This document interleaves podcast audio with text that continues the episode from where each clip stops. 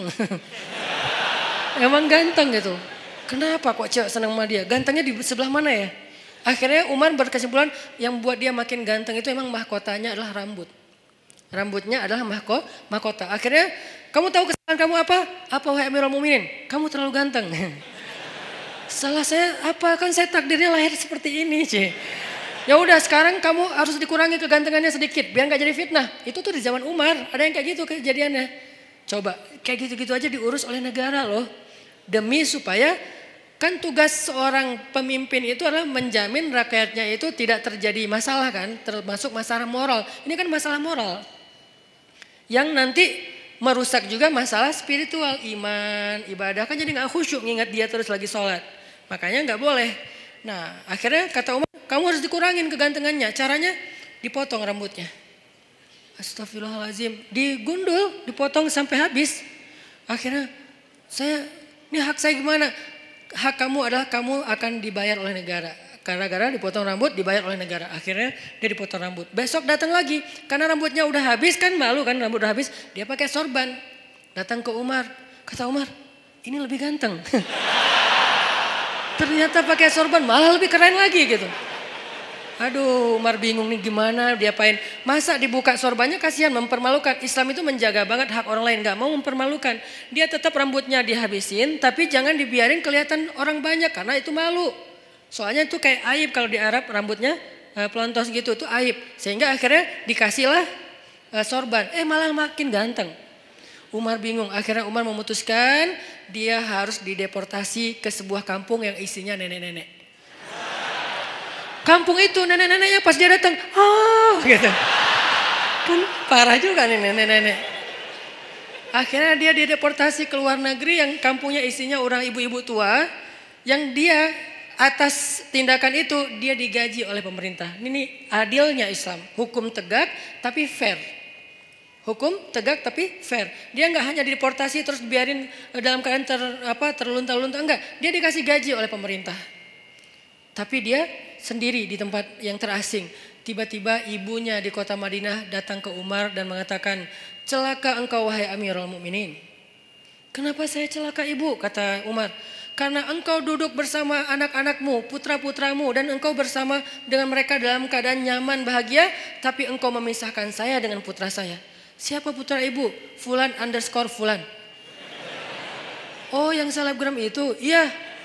Ya udah ibu maunya apa? Saya jauh dari putra saya, saya kangen dengan putra saya. Kamu tahu nggak sih rasanya kangen gitu kan?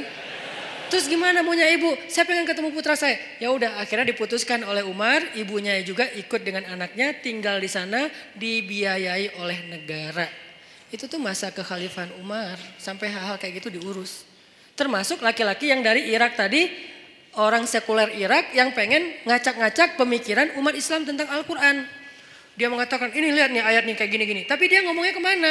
Dia ngomongnya di pasar, bukan di majelis para ulama.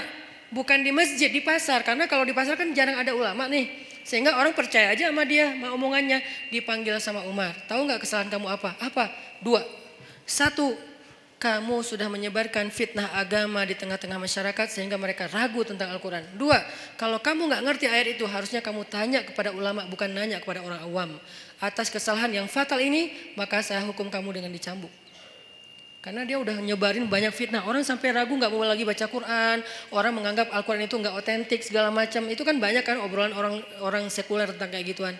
Akhirnya dicambuk dan diancam. Kalau kamu masih melakukan hal yang sama, maka saya akan berikan hukuman yang lebih berat. Akhirnya dia pulang ke Irak dan sejak itu dia taubatan nasuha. Itu terjadi. Nah, Fanhas kayak gitu banget. Yang nyebarin fitnah tentang agama Allah. Allah fakir, Allah itu riba dan seterusnya dan seterusnya. Sehingga akhirnya Allah turunkan ayat tadi dan Allah membela Abu Bakar As-Siddiq. Nah kalimat yang saya pengen kita renungkan dari kalimatnya Abu Bakar itu apa? Ghadibtu lillah ya Rasulullah. Saya marah karena Allah ya Rasulullah. Apa pelajarannya di sini?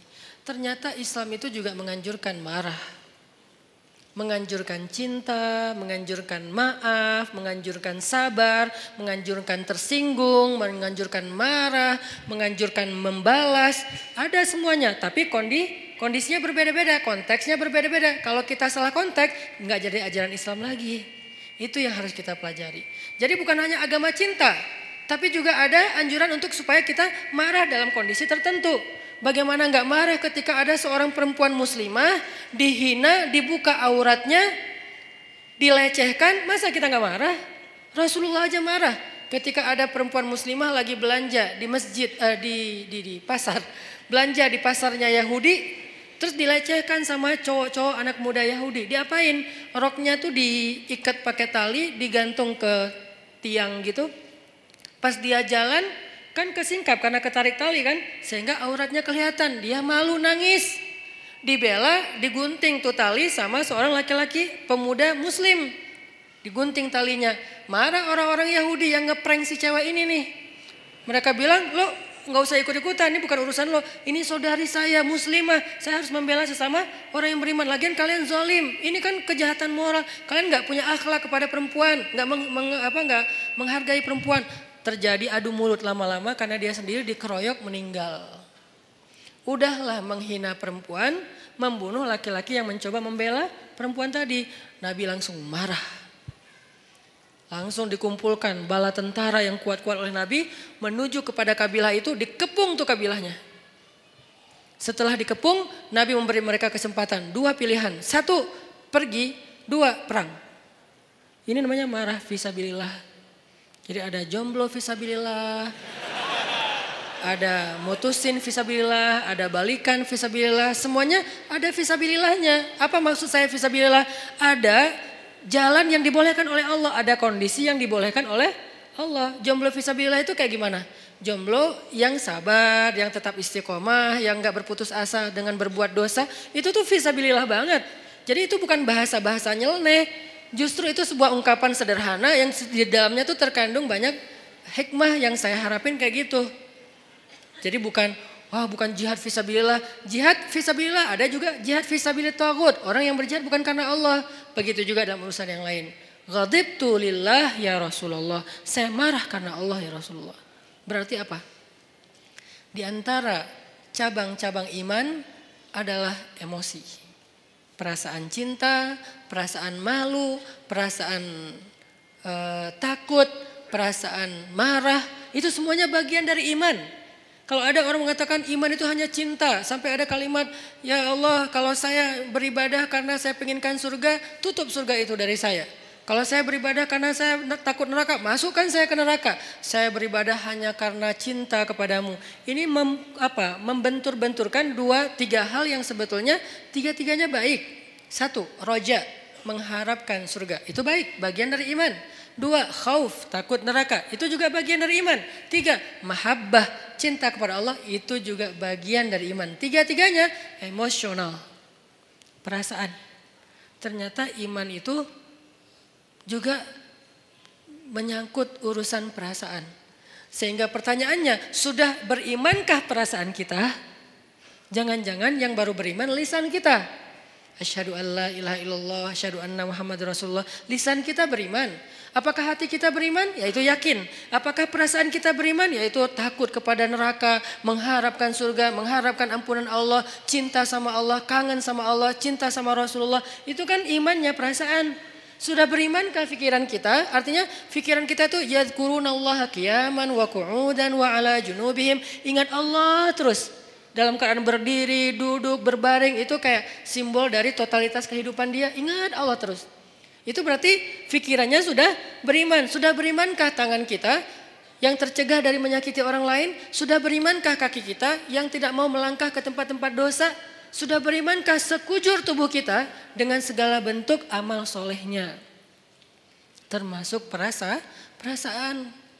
Sehingga orang yang tidak marah ketika agamanya dihina, Orang yang tidak marah ketika Allah dihina, Rasulullah dicela, itu tuh berarti imannya, eh, perasaannya belum utuh keimanannya. Saya nggak bilang nggak beriman ya, karena itu terlalu ekstrim menuduh orang tidak beriman. Tapi dalam bab itu dia belum utuh keimanannya, belum baik keimanannya. Karena harusnya dia marah. Cuman yang harus kita perjelas juga adalah gimana cara kita marah.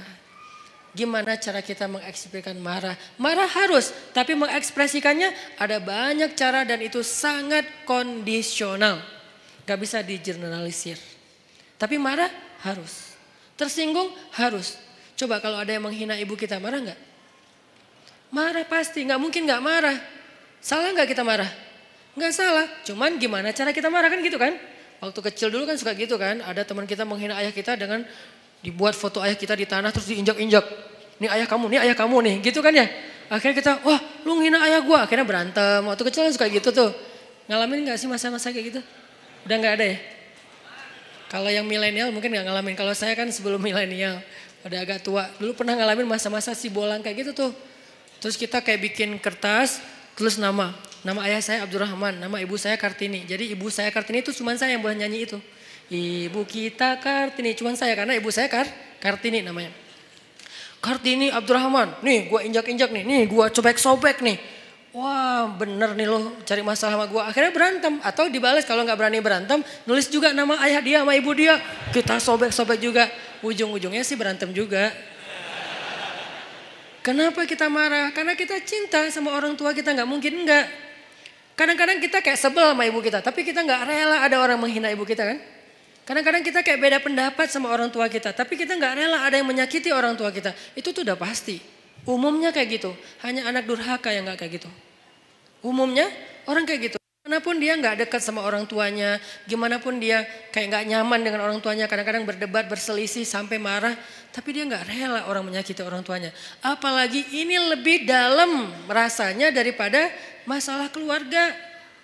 Kenapa bisa gitu Ustadz? Karena suatu hari Umar bin Khattab datang kepada Nabi mengatakan, Ya Rasulullah, aku mencintaimu lebih dari apa pun kecuali diriku sendiri. Cinta itu perasaan, bagian dari iman. Kata Nabi, belum sempurna wahai Umar. Artinya belum cukup wahai Umar. Belum cukup iman kalau hanya baru mencintai Rasul lebih dari apa pun juga selain diri sendiri. Belum cukup wahai Umar. Artinya imannya belum utuh. Terus gimana ya Rasulullah? Katakan aku mencintaimu lebih daripada apa pun termasuk diriku sendiri. Ya Rasulullah, aku mencintaimu lebih dari apa, daripada apa pun termasuk diriku sendiri.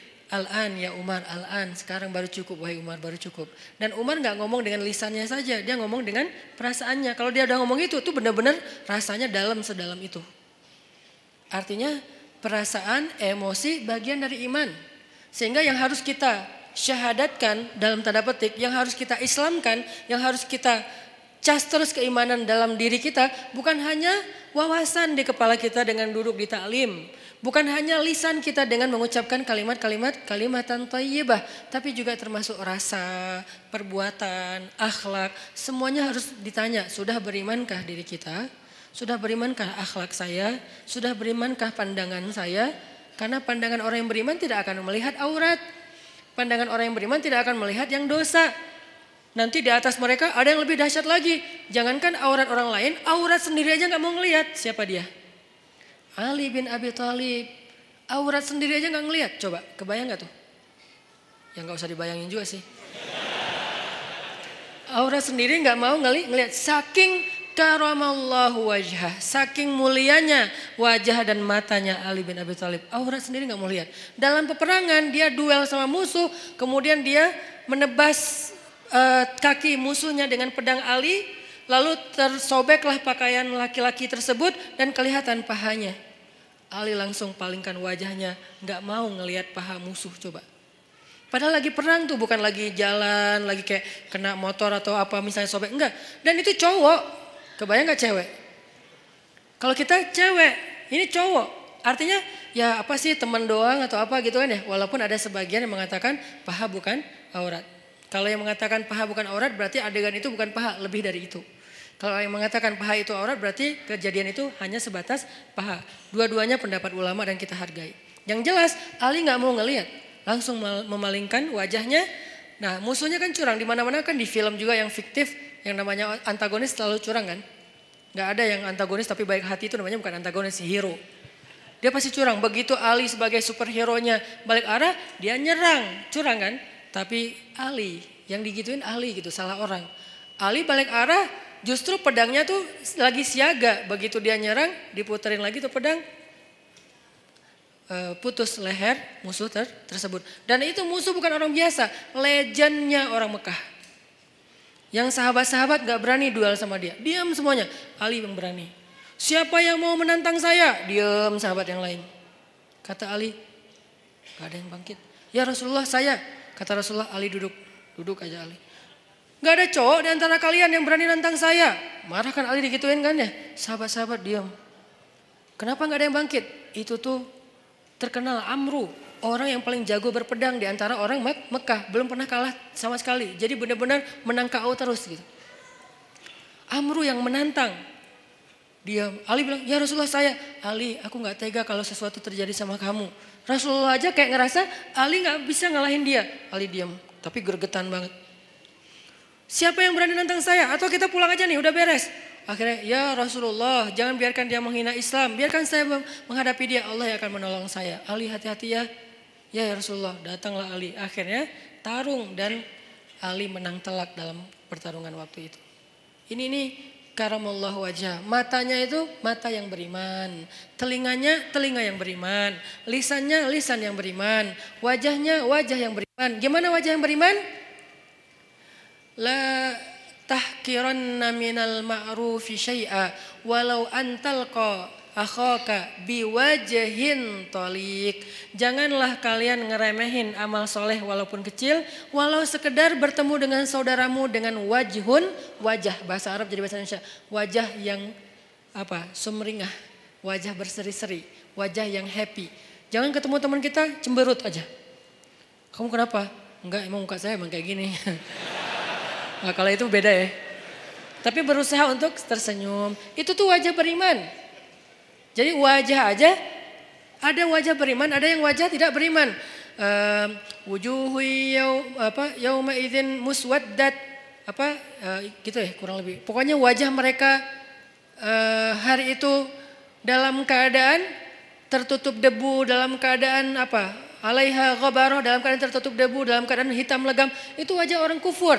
Sedangkan orang yang beriman wajahnya bercahaya, wajahnya happy, wajahnya bahagia dari sejak di dunia. Wajah kita sudah berimankah? Kemudian apa lagi? Hati kita sudah berimankah? Perasaan kita sudah berimankah? Tangan, kaki kita sudah berimankah? Rambut kita sudah berimankah? Dan seterusnya, semuanya. Gimana rambut yang beriman Ustadz? Nabi melarang kita untuk membuat rambut yang di apa terlalu ditipisin sebelah ya. Sampai tinggal di atas doang gitu kan. Itu dalam Islam dilarang. Berarti rambut yang beriman yang nggak kayak gitu. Kalau ditipis sedikit nggak apa-apa, tapi ini tipisin habis tinggal gini doang. Ya, itu tidak tidak dianjurkan dalam Islam. Berarti rambut yang beriman, rambut yang biasa-biasa aja. Kalau bisa agak luar biasa dikit. Tadi kayak cowok yang keren tadi rambutnya sepundak, ikal. Kalau nggak mampu Ustaz, karena kalau udah saya panjang nggak turun ke bawah naik ke atas, ya udah jangan dipaksain. Tergantung jenis ram, rambut. Yang jelas rapi, ya, terus dirawat sama dia kan ya. Itu rambut orang beriman. Ternyata iman itu bukan hanya soal sholat, puasa, termasuk perasaan. Jadi marah itu bisa jadi bagian dari iman kalau tepat dalam kondisinya. Sehingga Abu Bakar marah. tu lillah ya Rasulullah. Itu kata kuncinya. Aku marah karena Allah wahai Rasulullah SAW. Sehingga kita wajib marah teman-teman. Sampai Nabi pernah mengatakan juga dalam masalah perasaan dan iman itu ada hubungannya. Kata Nabi, Salasun mangkunna wajada fihi halawatal iman. Mangkunna fihi wajada halawatal iman. Ada tiga hal yang kalau seseorang itu ngerasain dia berat, kalau seseorang itu mendapatkannya berarti dia merasakan nikmatnya iman. Merasakan puncaknya Iman, merasakan loh ya, bukan melakukan, bukan mengatakan, bukan memikirkan, tapi merasakan, rasa.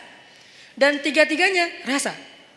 Ada tiga perasaan yang kalau seseorang mendapatkan dalam dirinya berarti dia berada di puncaknya iman. Satu, ayyakun Allah wa rasul ayyakun Allah wa rasuluhu ahabba ilaihi mimma siwahuma. Ketika Allah dan Rasul lebih dicintai olehnya dari apa pun juga. Cinta, perasaan. Yang kedua, perasaan juga. Ayyuhibbal mar'a la yuhibbuhu illa lillah. Mencintai seseorang dan tidak mencintainya kecuali karena Allah. Mencintai sesama muslim. Mencintai ulama, mencintai habaib, mencintai para kiai, mencintai guru-guru kita, mencintai orang yang solih, yang lebih solih dari kita, mencintai itu perasaan dan itu adalah wajadah halawatul iman, puncaknya iman. Ketiga, ayyakroha ayyauda ilal kuf kama yakrohu ayyuqadhafa finnar. Benci. Ternyata benci juga bagian dari iman. Benci bagian dari iman. Jadi kalau ada orang Islam itu tidak membenci, benci. Kepada apa dia benci? Kepada dosa, kepada kemungkaran, kepada kekufuran dia benci. Makanya bahasanya ayyakra ayyauda ilal kufr. Dia benci untuk kembali kepada kufur.